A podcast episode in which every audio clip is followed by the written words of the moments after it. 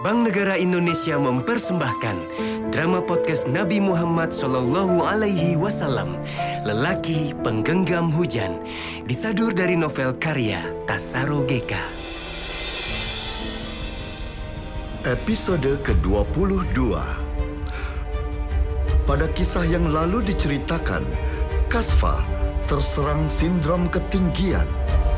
Saat rombongan kecilnya mendaki gunung menuju Tibet, terpaksa rombongan kecil itu kembali turun ke bawah guna memulihkan keadaan Kasfa.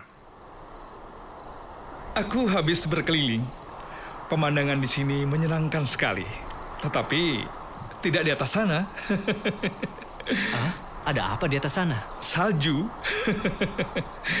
Jika ingin ke Tibet, kau harus berjalan di atas salju tebal selama berhari-hari.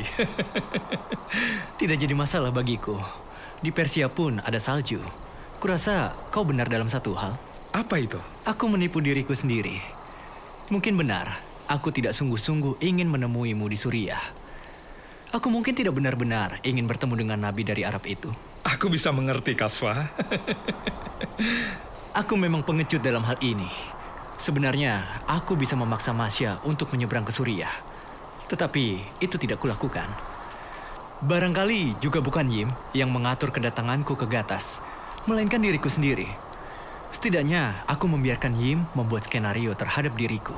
Jadi, kau sendiri yang membuat skenario itu? Begitu maksudmu? Hmm, ini semua tentang diriku, Oh ya? bukan Kosru, Yim, Astu, Masya, atau siapa pun. Ini benar-benar tentang aku. Sekarang giliran aku yang tidak mengerti. Hati-hati kawan, kau bisa gila. Kau sedang melarikan diri dari kenyataan. Aku sedang melarikan diri dari apa? Menurutmu, aku sedang melarikan diri dari apa, El? Aku rasa kau berusaha kabur dari kesadaranmu sendiri, Kaswa. Kesadaranku? Dalam sadarmu, kau tahu menyeberang ke Suriah, sesulit apa pun. Lebih masuk akal dibandingkan pergi ke Gatas. Tapi kau tidak melakukannya. Dalam sadarmu kau tahu, engkaulah yang memaksa Astu menitipkan Serses kepadamu. Tapi engkau membuat seolah-olah keadaanlah yang mengharuskan begitu. Cukup, El. Dalam sadarmu, kau tahu engkaulah yang membunuh Yim melalui tangan Kosru, menghancurkan Gatas dengan atas nama Kosru, melumat desa perbatasan dengan kekuasaan Kosru. Kau gila. Apa keuntunganku? Tidak ada. Memang kau tidak ada untung apa-apa. Kau hanya ingin kabur dari kesadaranmu sendiri. Kau sudah gila, El. Menurutmu orang yang bisa bicara dengan orang gila, apakah dia masih waras? eh? Diam! Diam! Dia masih berhalusinasi. Kalau tidak aku tampar, dia tidak akan sadar-sadar. Ah, Tuan Kasfah, cukup! Ma Masya, Sebentar lagi kau akan benar-benar gila kalau kau turutkan lamunanmu. di... Di... Di mana dia? Siapa yang kau cari? El. Elias. Dia tadi ada di sini. Berbincang-bincang denganku. Dengarkan aku. Tidak ada Elias. Tidak ada perbincangan. Tidak ada apa-apa. Yang pasti kau sedang tidak sehat karena perjalanan ini. Kau butuh istirahat untuk memulihkan keadaanmu. Di sini cuma ada aku, Serses dan Faksur. Tidak ada siapa-siapa lagi di sini. Kau pikir aku berbohong? Istirahatlah Tuan Kasfa. Hari masih malam. Tidak. Aku mau mencari El. Rupanya untuk istirahat pun kau harus kupaksa. Lebih baik dia pingsan daripada dia mulai gila. Maafkan aku Tuan Kasfa. Setelah insiden pemukulan itu, kondisi Kasfa mulai membaik. Dia tidak mual-mual lagi. Pening di kepalanya sudah hilang. Dan satu hal lagi yang teramat penting, dia sudah tidak lagi didatangi El. Dia telah berhenti berhalusinasi. Kau yakin keadaanmu sudah membaik Tuan Kasfa? Sama dengan luka di bahumu, Masya. Lukamu sudah tidak mengganggumu, bukan? Demikian juga aku. Temanmu sudah tidak datang lagi, bukan? Teman, Paman Kashfa! Paman sudah sembuh. Oh, Serses, kemari sayang. Sudah lama paman tidak mengajakmu bermain-main. Paman Kashfa, selama sakit matanya sering melotot dan suka marah-marah sendiri dan berteriak-teriak. Sekarang paman sudah sembuh, Serses. Memang paman sakit apa? Faksyur bilang paman sedang bermain-main. Paman pura-pura gila. Hmm, kau percaya paman pura-pura gila? Habis paman suka berbicara sendiri, berteriak-teriak sendiri, marah-marah sendiri. Aku jadi takut. Kasfa berusaha mengingat-ingat apa yang telah terjadi beberapa hari yang lalu. Tetapi semuanya samar, tidak bisa diingatnya dengan jelas. Pengakuan Serses membuatnya mulai takut terhadap dirinya sendiri. Pada siang hari yang luar biasa dingin, rombongan kecil itu berjalan di atas rute yang dihujani angin dan kabut. Faksur, biar gantian. Sekarang aku yang menggendong Serses. Aku masih kuat, Tuan Kasva. Hmm, aku hanya ingin menggendongnya, Faksur. Biar aku jalan sendiri saja, paman. Tidak usah digendong. Anak kecil tidak boleh jalan sendiri di tengah salju yang tebal ini. Biarkan paman menggendongmu, Serses. Nanti kalau kau sudah besar, gantian kau yang menggendong paman ya. Eh, paman, lihat. Salju, turun salju. Putih-putih seperti kapas ya.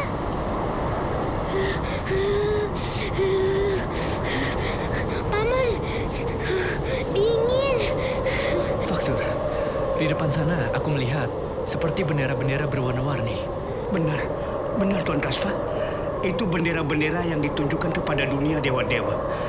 Itu mantra bendera orang-orang Tibet. Kita harus tetap berhati-hati. Masih banyak kemungkinan yang bisa terjadi. Salju turun semakin lebat. Hati-hati. Kau lihat Faksur, di depan sana seperti ada ombak putih meluncur dengan cepat ke bawah. Indah sekali. Huh, reruntuhan salju gunung meluncur ke arah kita dengan sangat cepat. Apa yang harus kita lakukan, Faksur? Cabut pedang, cepat! A- ada apa? Mencabut pedang. Apakah ada musuh di sekitar sini? Tuan Kasva butuh pedang untuk berjaga-jaga. Yang turun ke arah kita itu adalah longsoran salju. Turunkan Serses, Tuan Kasva. Biar aku yang menggendongnya. Merunduk! Tancapkan pedang untuk bertahan! Setelah dengan susah payah menusukkan pedangnya berkali-kali, Kasva melihat di sekelilingnya semua permukaan berwarna putih tertutup salju. Antara sadar dan tidak sadar, dia melihat wajah Astu yang menatap tajam kepadanya. Kau jelas-jelas menjadi manusia lemah, Kasfa. Apa maksud perkataanmu, Astu? Kau pernah mengatakan padaku bahwa cinta itu harus menguatkan, bukan melemahkan. Nah, mana pembuktian omongan itu, Kasfa? Dan engkau juga pernah mengatakan, cinta berarti membiarkan seseorang yang engkau cintai pergi, menemui kebahagiaannya, bukan mengikatnya dalam kepicikan memaknai cinta. Kau tidak akan pernah bahagia bersama Pak Kida, Astu. Bagaimana kau tahu? Apa itu kebahagiaan? Kau yakin benar apa itu bahagia? Jika kau menikahiku, apakah kau bahagia? Apakah jika kau memiliki anak dariku, kau bahagia? Kenapa kau diam saja, Kasfa? Kau tidak tahu apa-apa kan tentang bahagia itu? Biarkanlah aku dengan keputusan yang kuambil ini, Kasfa. Keinginanku untuk selalu bersama denganmu pupus. Bagaimanakah waktu akan memihakku? Sementara kau telah menetapkan keputusanmu. Aku hanya selalu berharap kau akan bahagia, Astu. Meskipun hatiku yang paling dalam mengatakan tidak rela dengan keputusan itu. Longsoran salju yang lebih besar datang! Paman Masa, jaga Tuan Kasva. Jangan sampai terjatuh ke jurang. Aku akan menjaga Serses. Hati-hati, Faksur!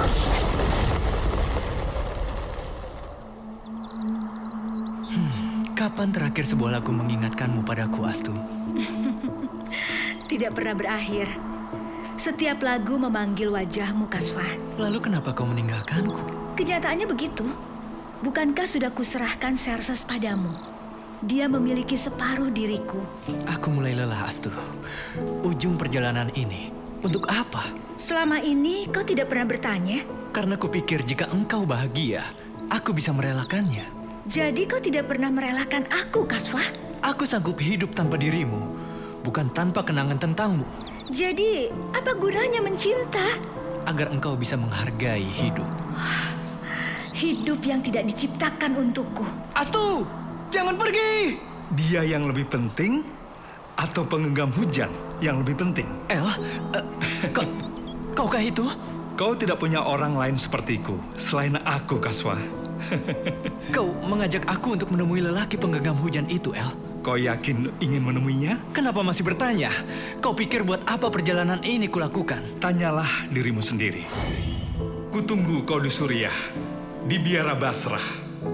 Kasfa merasakan tubuhnya kehilangan seluruh tulang belulangnya, lemas dan tidak berdaya sama sekali.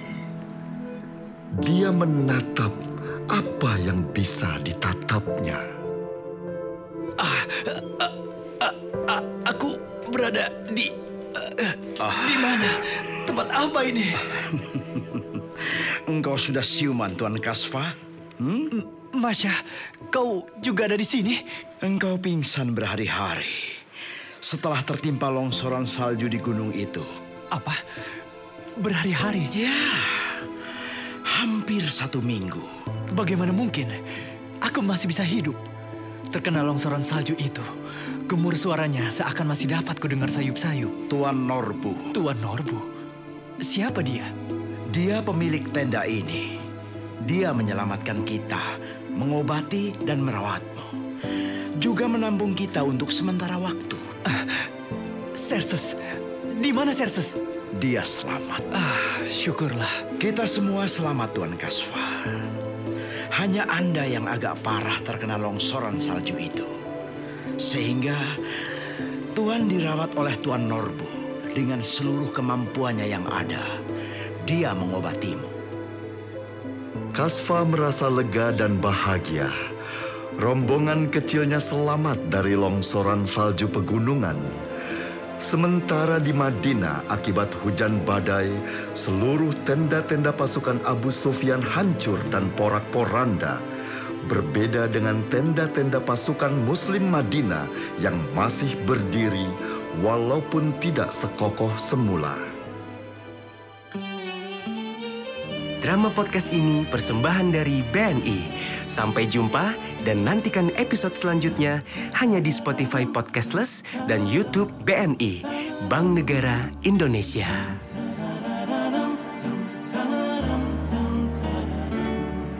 Gelisahmu hanyutkan mentari hatiku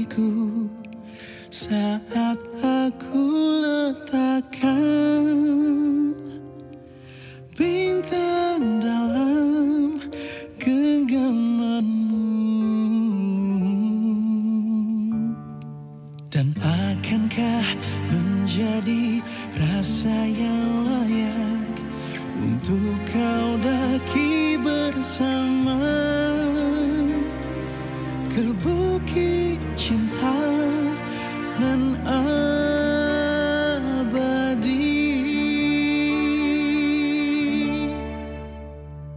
Akan ku bentangkan